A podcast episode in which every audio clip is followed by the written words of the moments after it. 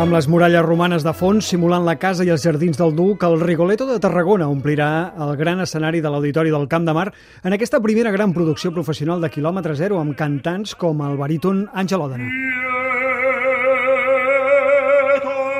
En un espai, jo fa anys hi havia cantat, però no me'n recordava que l'acústica eh, pues està molt bé.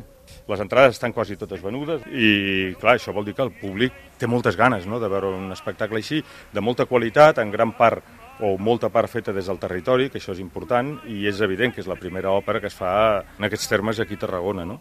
A veure, jo personalment, com podeu comprendre, doncs és una il·lusió tremenda. A més d'Òdena, hi ha 10 solistes més, com la soprano Sabina Puertolas, els tenors Antonio Gandia i Roger Padullers, o les tarragonines Carolina Fajardo i Mireia Tarragó. Tots acompanyats per 20 figurants, un cor de 24 cantants i una orquestra amb 50 músics.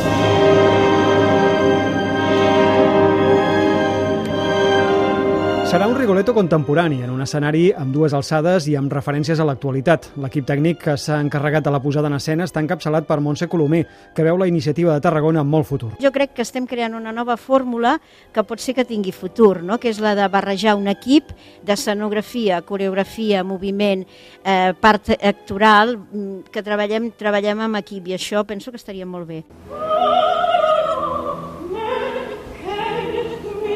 Impulsat per ajudar tot el sector cultural, molt tocat per la suspensió d'actes durant la pandèmia, pel productor Carles Figuerola també és una oportunitat per posar la ciutat al mapa de grans produccions. Revitalitzar la cultura, l'indústria cultural del territori i intenta posar a Tarragona dins el mapa de la producció cultural de Catalunya. I tot i l'alt cost del muntatge, la intenció, segons l'alcalde Pau Ricomà, és repetir el model en el futur amb intenció de que, de que aquesta orquestra que s'ha creat especialment per l'òpera, aquest cor que s'ha creat especialment per, per l'òpera, aquest grup de dansa que s'ha creat especialment per l'òpera, arrelin, arrelin i d'aquí generi doncs, eh, un salt endavant amb el que és la cultura eh, musical i artística en general de la ciutat. La cita aquest vespre, a les 10.